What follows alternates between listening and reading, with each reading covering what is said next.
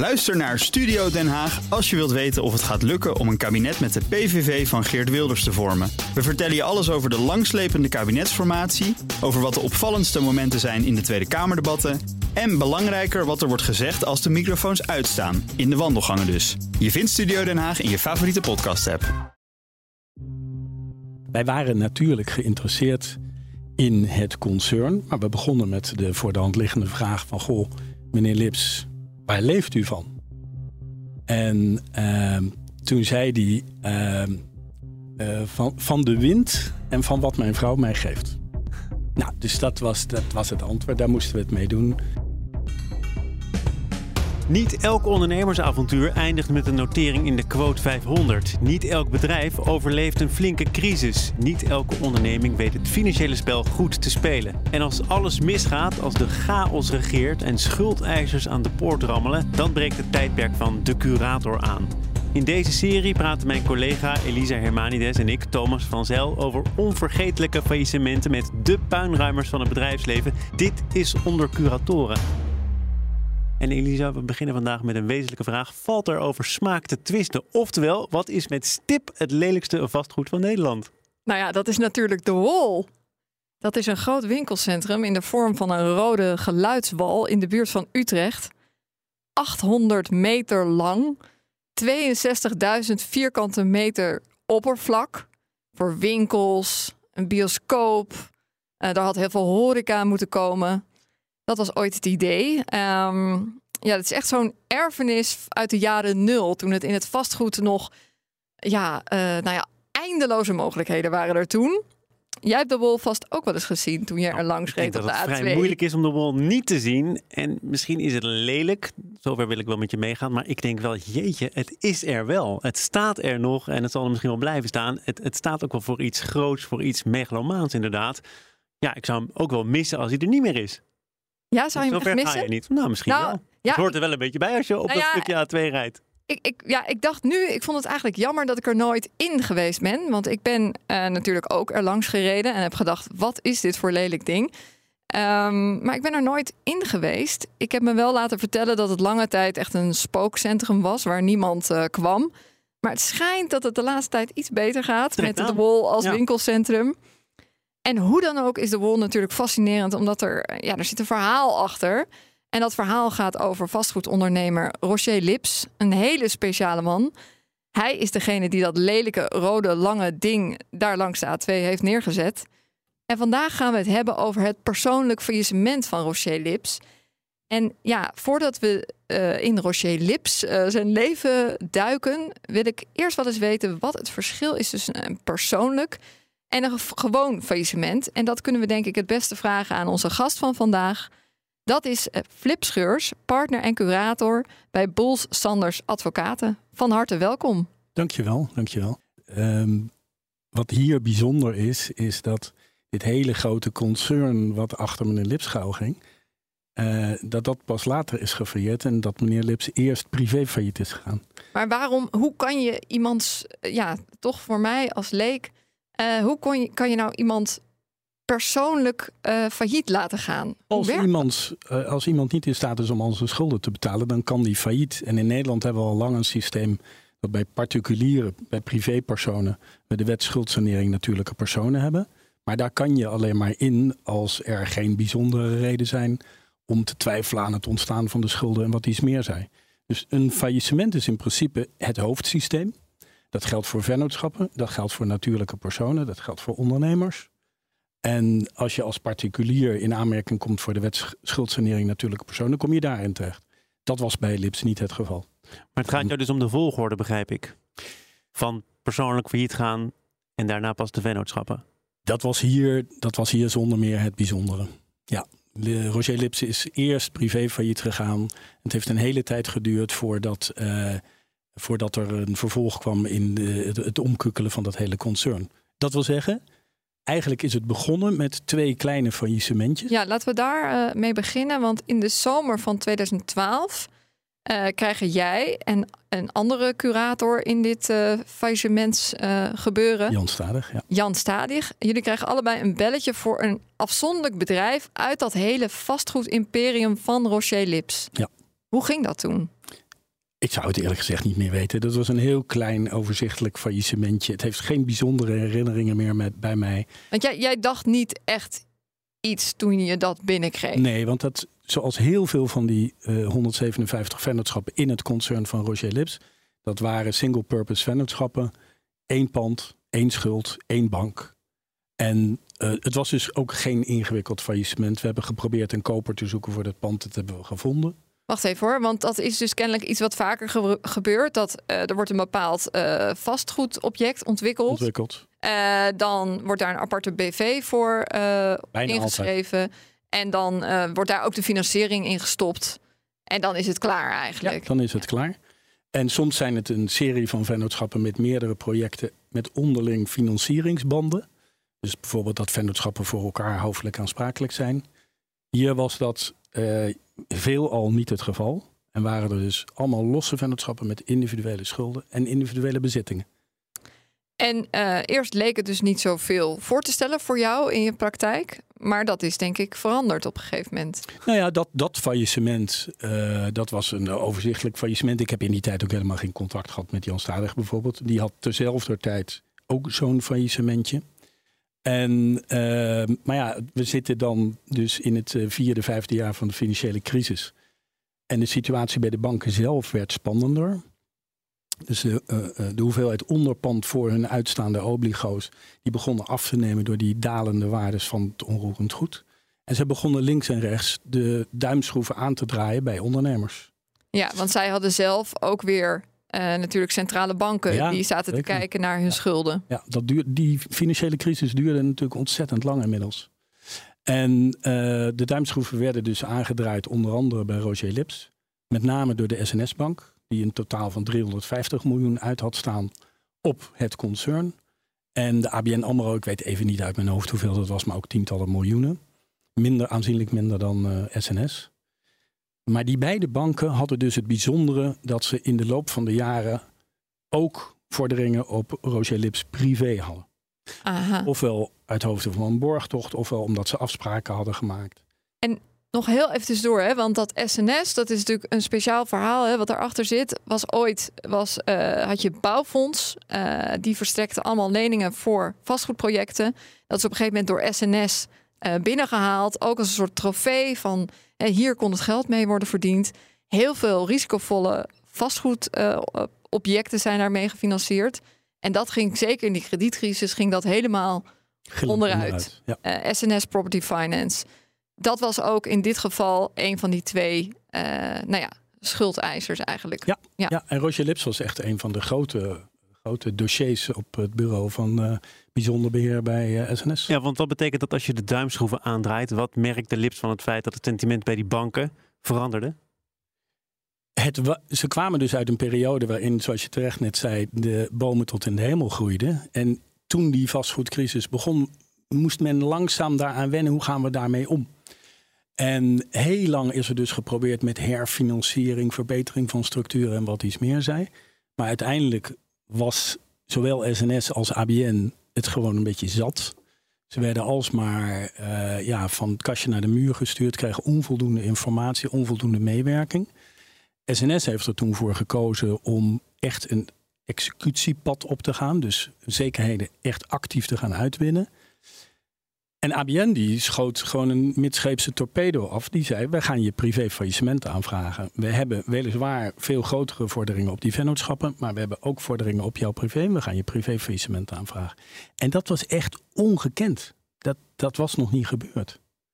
Hoe bedoel je ongekend? In de zin van dat dat uh, in eerdere nou ja. In vergelijkbare dossiers, vergelijkbare vastgoedtycoons, vastgoedbedrijven, dat de banken uh, de problemen niet oplosten door te praten over het herfinancieren of individuele zekerheden uit te winnen, maar dat ze rechtstreeks op de ondernemer afgingen en zeiden: wij gaan jouw privé faillissement aanvragen.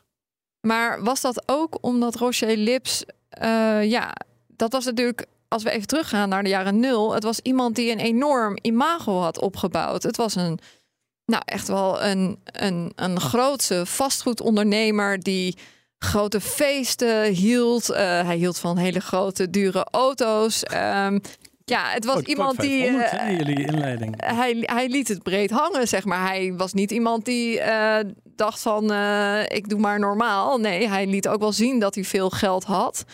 Eh, hij was ook een gevierd man in die tijd. En, maar die banken, eh, ABN, eh, SNS, die hebben zich wel helemaal eh, tegen hem gekeerd. Dus na die financiële crisis. Ja, en ik begrijp wel een beetje hoe dat is gegaan. Want de, eh, de sfeer die je schetst, die dateerde natuurlijk uit de jaren daarvoor. En toen het eenmaal misging en toen, die onroerend, eh, toen dat vastgoed in waarde begon te dalen vanaf 2008, 2009 en er maar geen einde aan die dalingen kwam. Toen zei- zeiden op een gegeven moment die financiers zoals SNS en ABN, ja, even voor alle duidelijkheid, het blijft wel jullie schuld en niet onze schuld. En wij willen informatie en wij willen medewerking. En met name de informatie en de medewerking, dat waren nou dingen waarin Roger Lips niet zo schuttig was. Die dacht, eh, dit zijn mijn zaken, daar hebben jullie niks mee te maken. Nou ja, had het in zekere zin goed opgezet. Want die banken, dat realiseren ze zich achteraf overigens heel goed. Die hadden eigenlijk ingestemd met een structuur waarin de verliesrisico's alleen maar bij hun lagen. En de winstrisico's alleen maar bij de ondernemer. Goed, daar is van beide partijen dan toch voor getekend. Ja, zeker. En dat, daar, daar doen de banken ook niet lullig over. Dat wil zeggen, het heeft ze pijn gedaan. Maar zij zeiden wel, tot op de dag van vandaag, en ik vind dat volkomen terecht. Wij willen wel informatie, wat is er eigenlijk gebeurd met al dat geld? En wij willen zoveel mogelijk medewerking bij het terugkrijgen van dat geld. En op die twee punten lag Lips gewoon dwars. En nog steeds eigenlijk, maar daar zullen we het zo direct eh, over hebben. Dus eerst dat persoonlijke faillissement. eh, dat was eigenlijk inderdaad eh, ABN die eigenlijk een enorm kanon afvuurde op Lips. Hè, met dat persoonlijke faillissement. Maar dat was eigenlijk misschien wel bedoeld om dat hele imperium in één keer onderuit te trekken dan. Hm, weet ik eigenlijk niet zeker. Ehm, ja, misschien. Eh, het, zou ook kunnen zijn, wat natuurlijk veel gebeurt, hè, dat het gebruikt wordt als een drukmiddel in werkelijkheid om te kijken of de ondernemer daardoor alsnog gaat bewegen. Nou, dat is niet gebeurd. Ik denk dat ehm, eh, ABN misschien achteraf liever had gezien dat hij toen wel was gaan meewerken. Lips dacht, denk ik, dat, eh, dat hij het faillissement kon afwenden. Ik denk dat hij toch wel verrast was door het feit dat het werd uitgesproken. Ehm, En wat gebeurde er toen? Wat deed hij? Nou ja, eh, recupereren zou ik zeggen. Daar is hij eh, goed in. Eh, hij was de eerste dagen, denk ik, wel wat in schok. Het heeft even geduurd voor we hem spraken. Na een paar dagen hebben wij hem op zijn kantoor ontmoet voor het eerst. Want was het toen gelijk duidelijk van dat jullie met z'n drieën, dat was toen toch? Of was het met z'n tweeën? Nee, Jan Stadig en ik eh, waren in het begin... eh, met z'n tweeën, ja. Ja, Eh, Jan Stadig is inmiddels met pensioen. Hij is opgevolgd door Matthijs Steenpoorten. Die was er toen overigens ook al bij. Ja, oké. Ehm, en zo zijn we met, met een aantal mensen zijn we naar het kantoor van Roger Lips gegaan. En herinner je je dat nog, toen je hem voor het eerst ontmoette? Ja, die, die eerste dag die vergeet ik niet. Nou, we, we kwamen daar aan. Het is een kasteeltje in Vught. En de parkeerplaats was grotendeels leeg. Wij parkeerden daar onze auto. En dan stond er een, een bordje dat, wat de andere kant op wees. eh, Aston Martin only. Nou, dan wisten we dan dat we daar onze auto's, autootjes niet hoefden te parkeren. En toen kwamen wij binnen. En en toen begon eigenlijk best al snel dat wat wij tot op de dag van vandaag hebben, namelijk de weerstand, de tegenstand, het ontwijken. Wij waren natuurlijk geïnteresseerd in het concern, maar we begonnen met de voor de hand liggende vraag van, goh, meneer Lips, waar leeft u van? En ehm, toen zei hij eh, van, van de wind en van wat mijn vrouw mij geeft. Nou, dus dat was, dat was het antwoord, daar moesten we het mee doen. Hij had geen inkomsten. Nou, oké, volgende vraag, meneer Lips. Kunt u iets vertellen over dat concern? Want we lezen daar zoveel over in de kranten en in de quote. Ehm, kunt u iets vertellen over dat concern? Heeft u een organogram voor ons of een Excel-bestand? Ehm, nee, nee, nee, dat heb ik niet. Dat zit allemaal in mijn hoofd. Oh, maar trouwens, jullie hebben helemaal niks te maken met dat concern, want ik ben geen aandeelhouder. En toen bleek dus dat hij na eh, dat de ABN het faillissement had aangekondigd in eind in, in december 2012. ehm, dat er een eh, constructie had plaatsgevonden waarbij alle vennootschappen, alle 157 vennootschappen verhangen waren naar een vijftal stichtingen met eh, mooie namen. met in de directie zeg maar bevriende bestuurders. Dus zijn vrouw, de boekhouder, een vriend, hij zelf ook. Ehm, en uh, die transactie had plaatsgevonden. Er waren 18 verschillende transacties, ieder voor een euro. En toen stond hij op, dat vond ik niet ongeestig eerlijk gezegd, stond hij op en trok hij zijn handen uit zijn zakken en zei hij, en die 18 euro, die heb ik niet meer. nou, toen, uh, hij heeft dus net voor het faillissement dan blijkbaar toch wat zaken geherstructureerd, of niet? Ja, die, uh, wij noemen dat uh, de verhangingstransactie. Dus het hele concern was verhangen naar een serie stichtingen. Um, maar heeft hij dat dan wel gedaan voordat hij persoonlijk faillissement... Ja, ja, ja, vijf maanden daarvoor. Vijf maanden daarvoor. Maar dan is het natuurlijk de vraag, hè? Um, of hij dat dan toch misschien wel heeft zien aankomen. Nee, ja, zeker. Want dat faillissement, zoals ik net al vertelde, was door ABN AMRO, ik geloof in november 2012 al aangekondigd. Ja. maar, maar je, je, zei net ook, hij heeft toch misschien te lang gedacht. Dat overkomt mij niet. Ah, zo. Ik ben blijven geloven in de levensvatbaarheid van het concern. En dat maar dat wil niet zeggen dat hij niet zijn maatregelen had genomen. Dus hij heeft het concern in veiligheid proberen te brengen. door dat dus over te dragen aan die vijf stichtingen. Maar dat heeft hij wel vijf maanden eerder gedaan dan uiteindelijk zijn persoonlijk uh, faillissement. Dat is overigens geen reden voor de curator, voor de curatoren, om daar niet geïnteresseerde vragen over te stellen. Uiteraard niet. Want wij willen natuurlijk weten, was die transactie tegen ordentelijke waarde? En overigens zitten er nog, zijn er nog banden met dat concern. En die waren er natuurlijk in overvloed. En wat voor man was het die daar uh, voor je stond? Nou, in de eerste plaats, Lips is uh, ontzettend intelligent, is uh, zeer verbaal, sociaal zeer handig, uh, niet voor één gat te vangen. Dus daar zat een behoorlijk zelfverzekerde man. Um, en, en in de weerstandmodus. Dus de meest eenvoudige vraag, na de vragen die ik net heb genoemd, was: laten we met elkaar afspreken dat we in ieder geval de administratie van dat hele concern veiligstellen. Dat is een standaard handeling die je op de eerste dag doet. Ja, dat heeft bergen werk gekost om het zover te krijgen dat we alleen maar een kopie van die administratie hadden veiliggesteld, nog zonder hem in te zien. Maar kom je dat niet vaker tegen dat iemand die net failliet gegaan is, denkt: Goh, moet ik nu plotseling zaken doen met de curator, hier feitelijk de basis, met wie ik uh, goed moet proberen op te schieten. Maar dat je daar mentaal misschien toch nog niet helemaal klaar voor bent. Nog even afgezien van het feit dat Lips waarschijnlijk een geval apart is. Nou, Lips vond in ieder geval, en dat kan ik op zich nog volgen, vond in ieder geval niet dat wij de baas waren van het concern. Want hij zei: Ik ben privé failliet, ik heb geen inkomsten, ik heb geen vermogen. Jullie zijn mijn curator, maar je bent geen curator van het concern. En dat klopt ook. Van die 155 nog levende vennootschappen, en waren dus twee failliet, 155. Hij stond gewoon aan de hoofd van dat concern.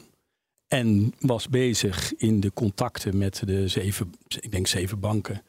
Eh, die ondertussen hun drie kwart miljard probeerden veilig te stellen.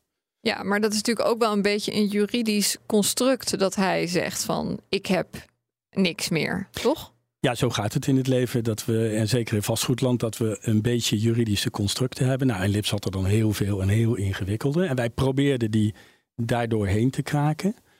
En dat ging uh, vinniger en vinniger. Hè, want in gewone gesprekken kregen we geen goede informatie. Dus we zijn hem op een gegeven moment echt gaan, formeel gaan verhoren bij de rechtercommissaris. Dan, dan ben je al echt in de derde versnelling. Want hoe, hoe vaak gebeurt dat eigenlijk? Dat je gaat verhoren bij de rechtercommissaris? Dat hebben wij nog nooit eigenlijk gehoord. Oké, nou, ik vermoed dat het in een aantal faillissementen die gepasseerd zijn bij jullie. Bij Gervisser zal het bijvoorbeeld. Echt oh ja, dat, daar, je daar, daar, waarschijnlijk wel. Ja, zeker. Dat is aflevering drie. Luister die vooral ook. ik heb allemaal, ik heb alles al geluisterd. Dat spreekt. Um, uh, nee, maar het is echt uitzondering. Uitzondering. Normaal gesproken. Het kan best zijn dat een eerste gesprek aarzelend is en een tweede gesprek wat soepeler. Normaal gesproken bouw je een normale band op met een failliet. En hier is dat niet zo en, dat is ook nooit veranderd. We zijn dus op een gegeven moment die formele verhoren. Nou, dat is gewoon formele setting in een rechtszaal met een eh, RC die verhoort. Het wordt vastgelegd in een, uh, in een PV. Maar wat zegt hij dan? Want hij, ik, ik heb natuurlijk ook wel wat uh, filmmateriaal gezien. En wat mij opviel is dat hij, uh, hij vindt eigenlijk dat het een soort, of dat is wat hij zegt, dat het eigenlijk een soort samenwerking zou moeten zijn. Of dat je wat moet geven en nemen. En dat het. Ik ben uh, aan op die volgorde. Um, Nee, dat is. Uh, nou, ik, ik, heb hem dat nooit horen zeggen. Uh, hij, nog, hij is intelligent en verbaal handig. Dus hij is enorm goed in staat om ook langer verhoren gewoon uit te zitten en tamelijk weinig te geven. En als er iets gegeven wordt, om dat dan ja, later weer bij te draaien of zo.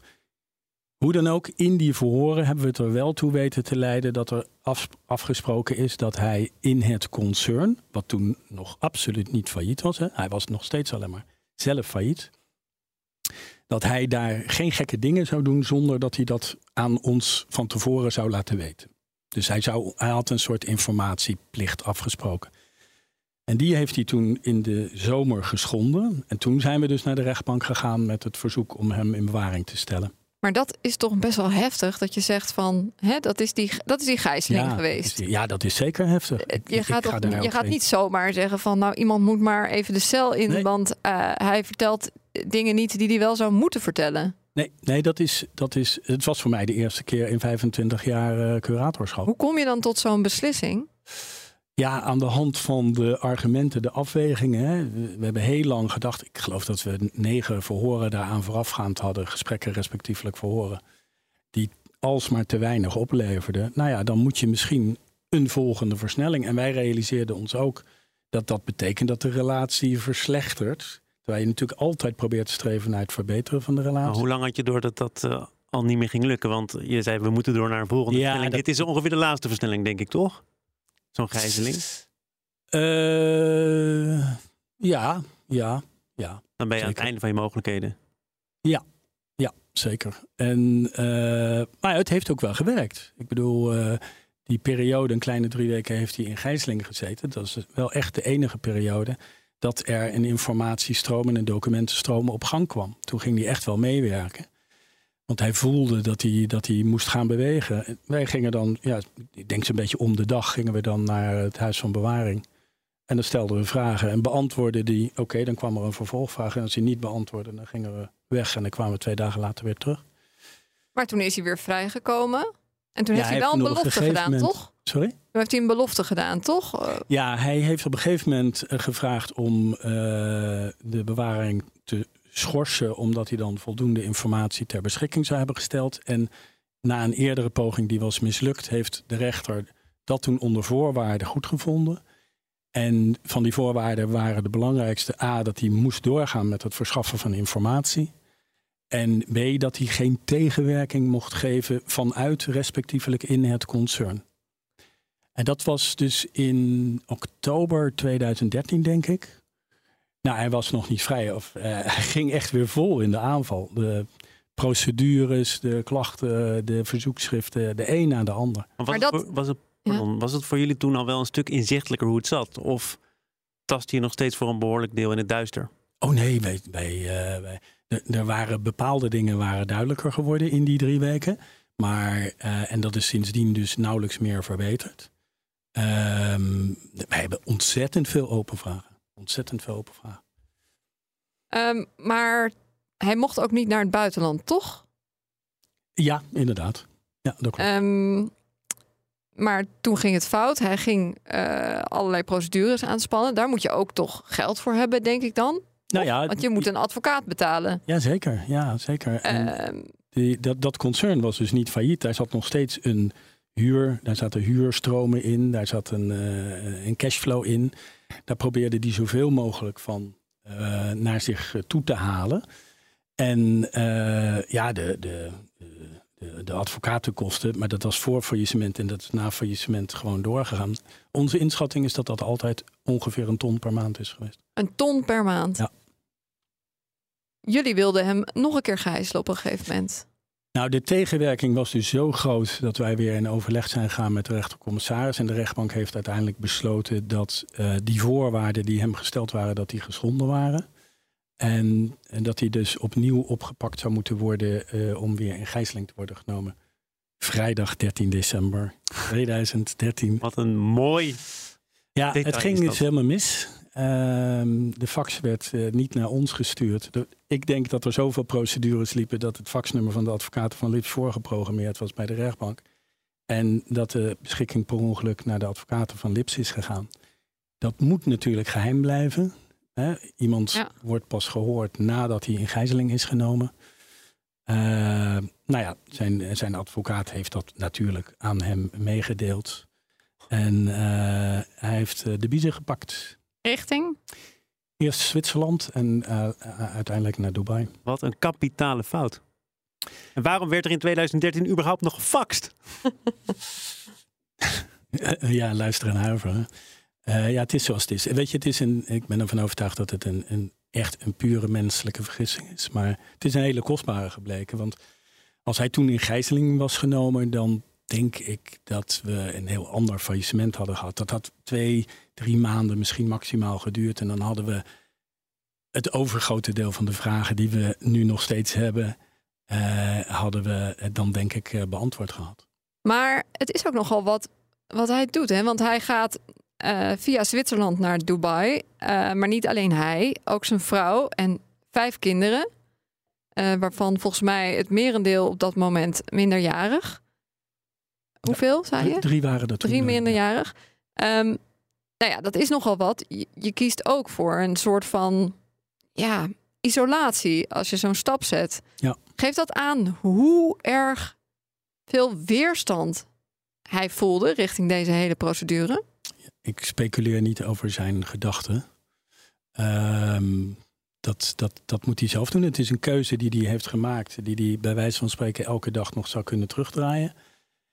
Eh, feit is dat hij opgesloten zit in de rest van de wereld, denk ik. Want hij kan toch heel moeilijk naar Europa. In ieder geval naar Nederland kan hij niet terug. In Nederland wordt hij echt eh, opgepakt. Nou, dat neemt hij ook eh, bepaalde instanties kwalijk. Ik geloof dat er dingen in zijn leven zijn gebeurd. eh, sterfgevallen waar hij niet bij was. Hij heeft gevraagd, God, mag ik afscheid nemen van mijn moeder of mijn vader? Zat er niet in. Dat heeft de officier van justitie inderdaad eh, tegengehouden. Hij heeft daar toestemming voor gevraagd en heeft die toestemming niet gekregen. En ehm, als ik even advocaat van de duivel speel, waarom is dit gerechtvaardigd dat, die, dat hij hier eigenlijk niet meer kan komen? Hij kan hier zo komen. Als hij komt, nee, maar zonder. Nee, daar, daar- moet je niet om lachen. Hij kan zo komen. We nodigen hem ook eens in de zoveel tijd uit. En als hij hier komt, dan zal hij in bewaring worden gesteld. En dan beginnen we met het vragen van de vragen die we nog hebben. En als die vragen zijn beantwoord, dan eindigt die bewaring. En dan zal hij, eh, of hij zal wellicht meteen eh, de gevangenisstraf moeten uitzitten die hem al is opgelegd in verband. Hij is veroordeeld tot acht maanden in de strafzaak wegens het schenden van die informatieverplichting. Ja, want hij is uiteindelijk hij ook, kan morgen komen. hij is ook vervolgd hè, door het OM, omdat hij dus de informatie niet wilde geven. Ja. En daar is hij ook voor veroordeeld al. Ja, en hoger beroep, eh, ook de officier heeft hoger beroep ingesteld. Maar geen misverstand. Hij kan vandaag komen. En ik, ik zou, als ik hem was, zou ik dat natuurlijk ook doen. Want dan komt er een keer een einde aan. Hoeveel geld heeft dit, eh, die banken en de, de Nederlandse staat ook eigenlijk? Hè? Want eh, die banken zijn eh, allebei in de handen van de Nederlandse staat. Nou, ABN nu iets minder ondertussen. Maar hoeveel heeft het al met al gekost? Eh, dat heb ik even niet voor je paraat. Het totale uitstaande obligo rond zijn faillissement van het hele concern was ongeveer 750 miljoen. Ik denk dat er uiteindelijk in de jaren nadien, wij hebben met de banken altijd heel goed kunnen samenwerken, dat we gewoon aan zekerheden uitwinning, dat zal zoiets van 320 miljoen zijn. Maar dat is dus een zeer groot deel ehm, eh, ja, onbetaald gebleven. En eh, het belangrijkste En waar is dat geld dan? Ja, dat is verdampt. Hè? Dat zijn waardeverliezen in belangrijke mate. En geld wat weggesluist is, wat ontrokken is. Nogmaals, we, zitten, we zijn nog bezig met een, eh, een... We hebben aangifte gedaan van faillissementsfraude. En dat ziet onder andere op het eh, onttrekken van gelden. Ehm, nou, daar zijn. eh, daar, en, en er is in de loop van de jaren natuurlijk, je had het erover, geloof ik daarnet. auto's, vliegtuigen, een jacht, huizen. Is in die jaren, in de rijke jaren 2000 tot 2010, is er zomaar 100 miljoen eh, opgegaan aan dat soort dingen. Die ehm, handelingen, dat verhangen van ja, onderdelen van zijn bedrijf. Hebben jullie dat eh, gezien als Paulianeus handelen? Wij hebben die transactie waar ik het over had, die hebben we zowel vernietigd met een beroep op de Pauliana. eh, maar we hebben daar ook de nietigheid van ingeroepen, omdat het volgens ons in strijd met de goede zeden was. Technisch verhaal. Die transactie hebben we aangetast. Er is een andere transactie ehm, die wat dieper in het verleden ligt. En dat is een transactie waar we ons met name op concentreren. Als je het goed vindt dat ik dat Ja, uitleg. zeker. Lips had zijn concern in de vorige eeuw opgebouwd met een compagnon. Die later ook nog eh, failliet is gegaan. En Heeft hij ook ruzie mee gehad, toch? ja, ja, en ik kan wel zeggen, want zoals dat met elke compagnon gaat van Lips. Het begint prachtig. En dan op een gegeven moment komt er ruzie. En dan is stevast eh, procederen het doel. Niet Je het bent in ieder geval niet eh, de enige vijand. Ja, maar dus, dus de, de businessmodel van het procederen om via procedures een eh, wederpartij ja, uit te putten, af te matten. Eh, zoals wij ook wel eens eh, ervaren. Dat is, dat is een, een, methode, een businessmodel. En dat gebeurde dus toen ook. Uiteindelijk werd die zaak geschikt. Over die schikking is overigens ook weer geprocedeerd. Maar die schikking bestond erin dat eh, die partner zijn helft verkocht aan Lips. En Lips heeft toen gezorgd dat dat deel werd gekocht door zijn vrouw en zijn kinderen.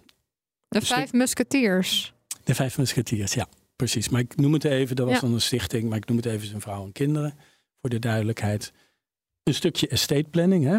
We hebben het over eh, begin van deze eeuw, dus de bomen groeiden nog steeds tot in de hemel.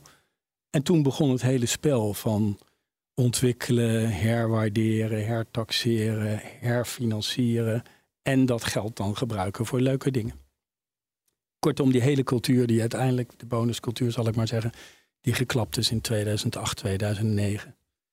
Lips voelde toen die crisis begon, zeg maar rond Lehman, in, hij moet meteen hebben aangevoeld, dat gaat fout. Dat systeem van surfen op de stijgende waarde, dat gaat fout. En toen heeft hij een eh, slimme constructie bedacht. Namelijk, hij zei, eh, ja, de banken die willen graag dat ik mijn structuur vereenvoudig.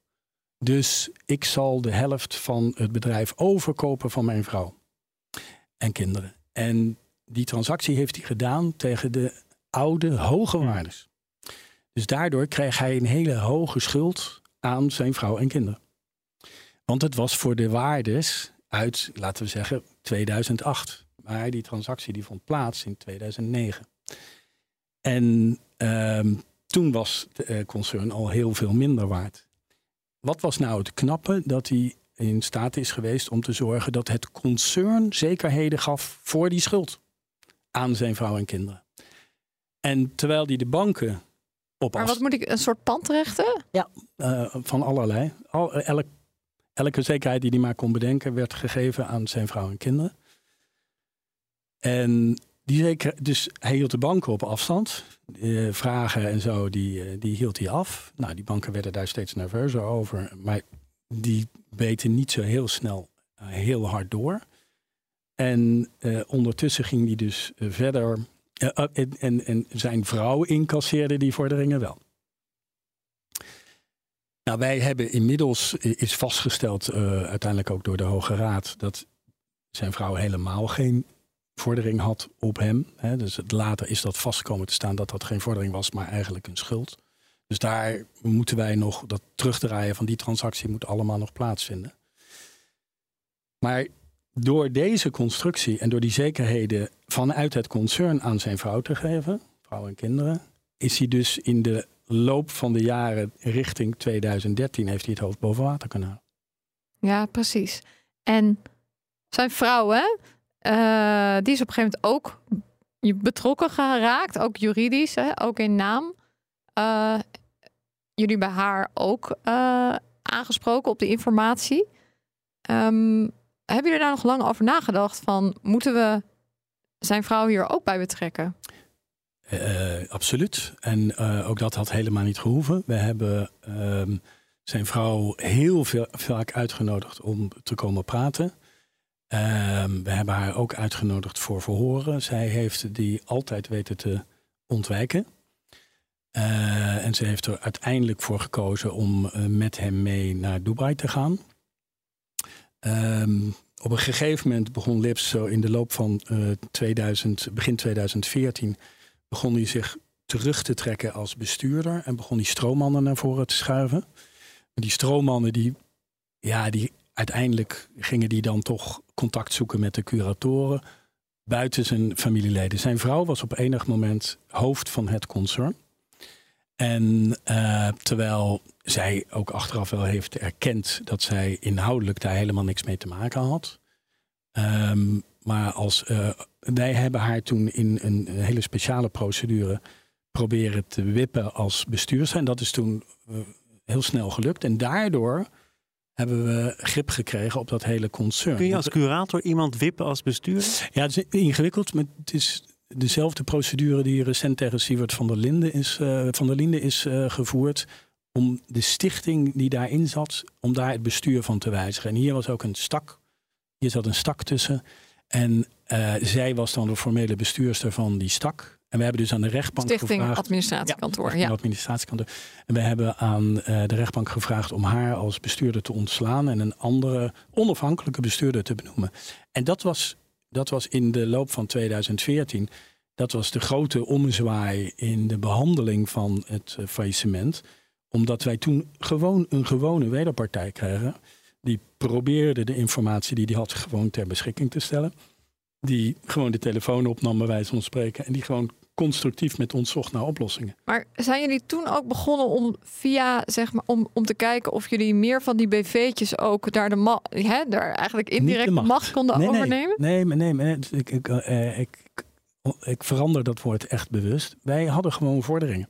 Ja. En uh, vanaf eind 2013, begin 2014 zijn we gewoon inderdaad in een poging om door te drukken zijn wij uh, vorderingen gaan incasseren. Gewoon alle... Allemaal binnen het concern, hè? Dus van, die tussen, allemaal, zeg maar, die tussen allerlei verschillende BV's liepen. Ja, allemaal intercompany verhoudingen. Uh, uh, vorderingen op schulden van LIPS. en daar zijn we mee aan de slag gegaan. En successieflijk begonnen de vennootschappen om te kunnen. Ja, dan kukkelt dat natuurlijk als een domino-spel één voor één om, of niet? Ja, zo ging dat uiteindelijk. En pas toen die onafhankelijke bestuurder was, konden we daar gewoon normale afspraken over maken. Want in heel veel gevallen is er gewoon voor. Weet je, dat waren vennootschappen die stonden heel ver onder water. Die hadden uh, geen enkele toekomst, hadden soms helemaal geen inkomsten. Dus uh, uh, in overleg met die onafhankelijke bestuurder hebben we toen heel veel van die vennootschappen geliquideerd. Um, maar we hebben inderdaad ook uh, vennootschappen faillissementen aangevraagd. Soms op eigen aangifte, soms op uh, ons verzoek. En zo is dat hele concern um, in uh, faillissement geraakt. En dat is dan, Jan, Jan en ik zijn van een flink aantal vennootschappen curator geworden. Ruud Dekker is van een groot aantal vennootschappen curator geworden. Uiteindelijk hebben we met zes curatoren hebben we al die vennootschappen. Nou, die zijn, die zijn bijna allemaal, behalve ja, ik denk een stuk of twintig aan de top, zijn al die faillissementen al afgewikkeld. En werd Rocher Lips hier niet woedend van? Um, ja, of dat nou gespeelde woede was of niet, dat weet ik niet. Um, het gebeurt natuurlijk wel vaker dat een failliet zegt dat het de schuld van de curator is. ik geloof dat ik dat zinnetje in nou ja, hij, hij ziet jullie als een soort uh, geldwolven. Hij zegt ook, uh, jullie weten ook wel, schuldeisers gaan hier geen cent meer van terugzien. Ondertussen loopt de meter lekker door. Het is vooral in het voordeel van de curator. Ik zou zeggen, meneer Lips, stap in het vliegtuig, kom hier, leg even uit, geef antwoord op de vragen die we hebben. En dan uh, is dat is de kortste weg naar de afwikkeling van faillissement. Um, jullie willen het zelf ook heel graag zo snel mogelijk afwikkelen. Ja, maar natuurlijk. Of zit er een kern van waarheid in wat hij zegt, dat het voor jullie ook gewoon een kwestie is van procederen? Nee, absoluut niet. Absoluut niet. Die, die, uh, uh, als ik nou iets vervelend vind aan uh, deze groep faillissementen, dan is het dat we er alleen maar negatieve energie in, beste in aan besteden. Hoeveel procedures heb je al meegemaakt in dit faillissement? Ik heb vanochtend even gekeken, want we zijn het op een gegeven moment bij gaan houden. We staan nu op 476. En daarmee unaniem alleen wereldrecordhouder? Of komt het heel veel voor? Nee, dat is echt. Dat is, dat, dat is het meest bizarre aan deze groep faillissementen. We hebben, ik ben wel even eerlijk, één procedure, dat is dan van rechtbank, hof, hoge raad, die tellen we dan als drie.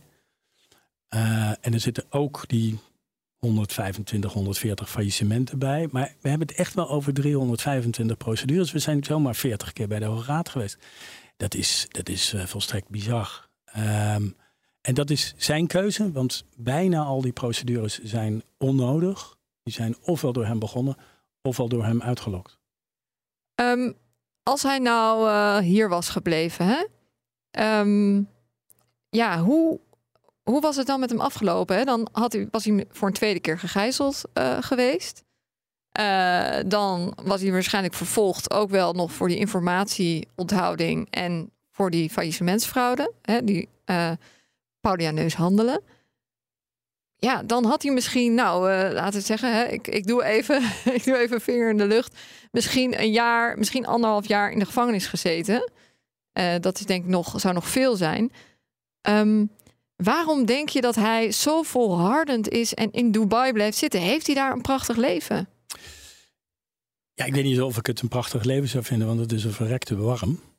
Um, ik, ik, speculeer niet over wat er gebeurd zou zijn als hij hier zou zijn gebleven. Ik weet niet eens of het dan tot een strafzaak zou zijn gekomen. Ik denk, die gijzeling was er wel geweest dan. Ja. Uh, maar ik denk dat die gijzeling heel veel succes zou hebben gehad. En dat we gewoon in een totaal ander faillissement waren beland. Um, en dat was denk ik dus de, de, beste keuze geweest. Ja, waarom doet hij het niet? Ik weet het niet. Hij, hij leeft als een god in Frankrijk, in onze waarneming. Wat, wat is het maatschappelijk belang van wat uh, jij en je collega-curatoren aan het doen zijn hier? Want je bent hier zoveel tijd aan kwijt. Ja, ja. nou inmiddels wel minder, maar nog elke week uh, wel een paar uur. Ja, het maatschappelijk belang is toch dat er um, als er een zo grote hoeveelheid schulden is, waarvan een zo groot deel destijds is opgevangen door de belastingbetaler, dan is het uh, denk ik... Door de redding van ja, SNS, SNS, en, en ABN. AMRO. Ja, ja. Dus zonder die nationalisatie van die banken, achter jij het uh, maatschappelijk belang ook echt aanzienlijk kleiner? En had je er met minder volharding zelf ook in gezeten? Nou nee, dan, want dan hadden de banken desondanks hetzelfde verhaal gehad. Nee, als iemand uh, zoveel verzet biedt op dat wat gewoon, het staat gewoon in de wet hè, en het is heel normaal. Als je schulden groter zijn dan je bezittingen en je, ga, en je gaat failliet, dan is het heel logisch dat je inzicht geeft in wat er gebeurd is met dat geld. En uh, dat is ook alles wat wij uh, doen. Uh, ik bedoel, voor mij hoeven we die 476 procedures niet te voeren. Dat is helemaal niet nodig. Maar het is wel nodig dat er een antwoord komt op die vragen. En dat vind ik maatschappelijk relevant. Want in zekere zin is het natuurlijk ook rechtsstaat ondermijnend wat hier gebeurt. Hè? Kijk, geld wat in de boedel hoort, maar wat wij niet krijgen, wordt gebruikt om eindeloze hoeveelheden procedures tegen ons te starten. Welke procedures alleen maar ten doel hebben te voorkomen dat wij dat geld in de boedel halen. Juist. Hij hield heel veel van hele mooie dure auto's. Ja. Waar zijn al die auto's gebleven? Die auto's die uh, had hij destijds ondergebracht alweer in een erg ingewikkeld uh, construct. Een uh, Zwitserse trust met juridisch en eigendom gesplitst over verschillende entiteiten. Maar het waren zo'n 15 bolides en die stonden, stonden die aanvankelijk wel in Nederland? Ja, die stonden in, deels in zijn woning, deels in de garages. Um, wij konden daar dus niet direct de hand op leggen, omdat hij omdat alles erop wees dat hij niet rechtstreeks tot zijn privéboedel behoorde. En uh, nou, wij hebben ook daar indringend onderzoek naar gedaan en ervoeren daar veel tegenstand. Op een gegeven moment kregen we signalen dat die auto's echt aan het, uh, dat die verkast werden van hot naar her. Het was inderdaad een, uh, ja, een bijzonder wagenpark. Een Aston Martin dus? Nou, ik ik heb het wel eens op een lijstje gezet dat de nieuwprijzen van die auto's, daar waren er een forse aantal boven de 5 ton. 10 meer dan 250.000 en geen goedkoper dan een ton. En dan had zijn vrouw ook nog eens zes auto's. Maar we moeten toch zeggen, een aflevering van Ondercuratoren zonder mooie auto's eigenlijk geen aflevering. Dat kom nee, je toch dat, vaker dat tegen. is zeker waar. Maar ze, hij heeft, heeft hij ze ook uiteindelijk naar Dubai gehaald dan? Ja, ja. Of ze allemaal daar naartoe zijn nou, gaan, weet ik niet. Er zijn ook journalisten die, die volgens mij wel naar Dubai gaan om hem op te zoeken. En dan wordt er toch ook wel sfeervol geschreven over. En hij parkeert de auto. Ik ben zelf niet zo'n liefhebber. Maar is uh, mooi voor de garage en zo. Je krijgt ook echt wel de indruk dat hij daar nog steeds heel welvarend, luxueus en met de beschikking over een aantal van die bolides uh, leeft. En ik heb daar niet direct een moreel oordeel over, maar ik heb er gewoon een vraag over. Dat is, meneer Lips, u bent failliet. Dat bent u sinds april 2013. mag ik even weten wat u sindsdien aan inkomsten en vermogen heeft? Want dat hoort in de boedel. En die vraag proberen we hem te stellen. En zolang we die niet beantwoord hebben, uh, zal dit faillissement nog wel duren. Er komt nog een uh, zaak hè, voor die uh, faillissementsfraude. Ehm, wat verwacht je daarvan? Uh, zou alweer een speculatief antwoord zijn. het onderzoek gaat traag maar gestaag. En ik heb goede hoop dat in de loop van het volgend jaar die zaak inhoudelijk ook daadwerkelijk gevoerd wordt. en we hebben daar een paar hele duidelijke transacties alle stukken van verzameld en dat aan het Openbaar Ministerie ter hand gesteld. Ik ben vol vertrouwen, laat ik Mag Lips daar digitaal bij aanwezig zijn? Dat weet ik niet, dat is aan de rechter. Uh, verzoeken om op die wijze verhoord te worden hebben wij steeds afgehouden. Uh, omdat dat geen goede manier is uh, van verhoren. Hij vindt dat hij wel op zijn minst op de hoogte mag worden gesteld, ook digitaal van zijn eigen berichting, dat hij daarbij hoort te zijn. Dat is zijn inzet, toch? Weet, dat weet ik niet. Dat, zou oh, dat, uh, dat, bericht ken ik niet. Nee, uh, of hij daar op die manier bij wil zijn. Ik geloof wel dat hij gevraagd heeft om verhoord te mogen worden via videocall. En ik dacht dat dat was afgewezen. Um... Um, kan dit ooit nog ook gevolgen hebben voor zijn kinderen? Nou, dat, dat. Kunnen die wel gewoon naar Nederland, die meerderjarige kinderen? Ja, voor zover ik weet, uh, de oudste zoon, die hebben we meer dan eens gezien en gesproken. Um, dus die, ja, zijn whereabouts ken ik niet. En dat is ook verder nauwelijks relevant voor ons. Ik bedoel, als ik me daar ook nog. Uh, nee, maar het is meer voor, voor mij. Ik vind niet dat dat zo ver strekt. Uh, iets heel anders is natuurlijk dat die, zeker die minderjarige kinderen, dat die destijds mee moesten naar Dubai. Dat, ja, dat lijkt me geen lolletje. In zoverre heeft het natuurlijk wel gevolgen voor hun. Maar die worden natuurlijk ook ouder. Dus- Komt Rocher Lips ooit nog terug naar Nederland? Nou, uh, laat ik nou die vierde poging uh, uh, niet ontwijken door je te zeggen dat ik niet wil speculeren. Maar ik denk het eigenlijk niet. Hij blijft daar. En ja, jij blijft kan... tot aan je pensioen met deze zaak bezig. Ja, Jan Sadig is al inmiddels al met pensioen. Ik ga hier zeker mijn pensioen mee halen. En ik heb mijn opvolger die al een tijd meedraait. Uh, die gaat denk ik ook nog zijn pensioen maar halen. heb je het idee, hè, jouw woorden herhalend, dat hij toch erop uit is om mensen uit te putten, af te matten, dat het ook bij jou gebeurt? Weet je, um, ik zei net dat ik het zonde vind van alle negatieve energie. Wat ik heel prettig vind, is dat Jan en ik, die in de loop van dit faillissement ook gewoon een goede vrienden zijn geworden, dat wij ons nooit hebben laten gek maken. Uh, dat is denk ik het maximale. Want dat probeert hij wel, jullie gek te maken. Als je kijkt naar hem, hij is zo boos, zo verontwaardigd. Hij kan op een hele goede manier ook wel vertellen waarom jullie eigenlijk een stelletje boeven zijn en niet hij. Laat hij gewoon naar Nederland komen en me dat vertellen. Nou, een uitnodiging dus. Uh, dankjewel voor dit gesprek. Flip Scheurs, partner en curator bij advocatenkantoor Boels Sanders Advocaten. Dit was Onder Curatoren. Wil je meer gesprekken horen met de puinruimers van het bedrijfsleven? Bijvoorbeeld de derde aflevering over vastgoedondernemer Ger Visser en het piramidespel dat hij speelde. Een ander interessant vastgoedverhaal. Abonneer je dan via jouw eigen podcastkanaal of via de app van BNR. Luister vooral ook de vorige aflevering over de ondernemersdroom van Bob Ulte, die als een zeepbel uiteenspatte. Dankjewel voor het luisteren.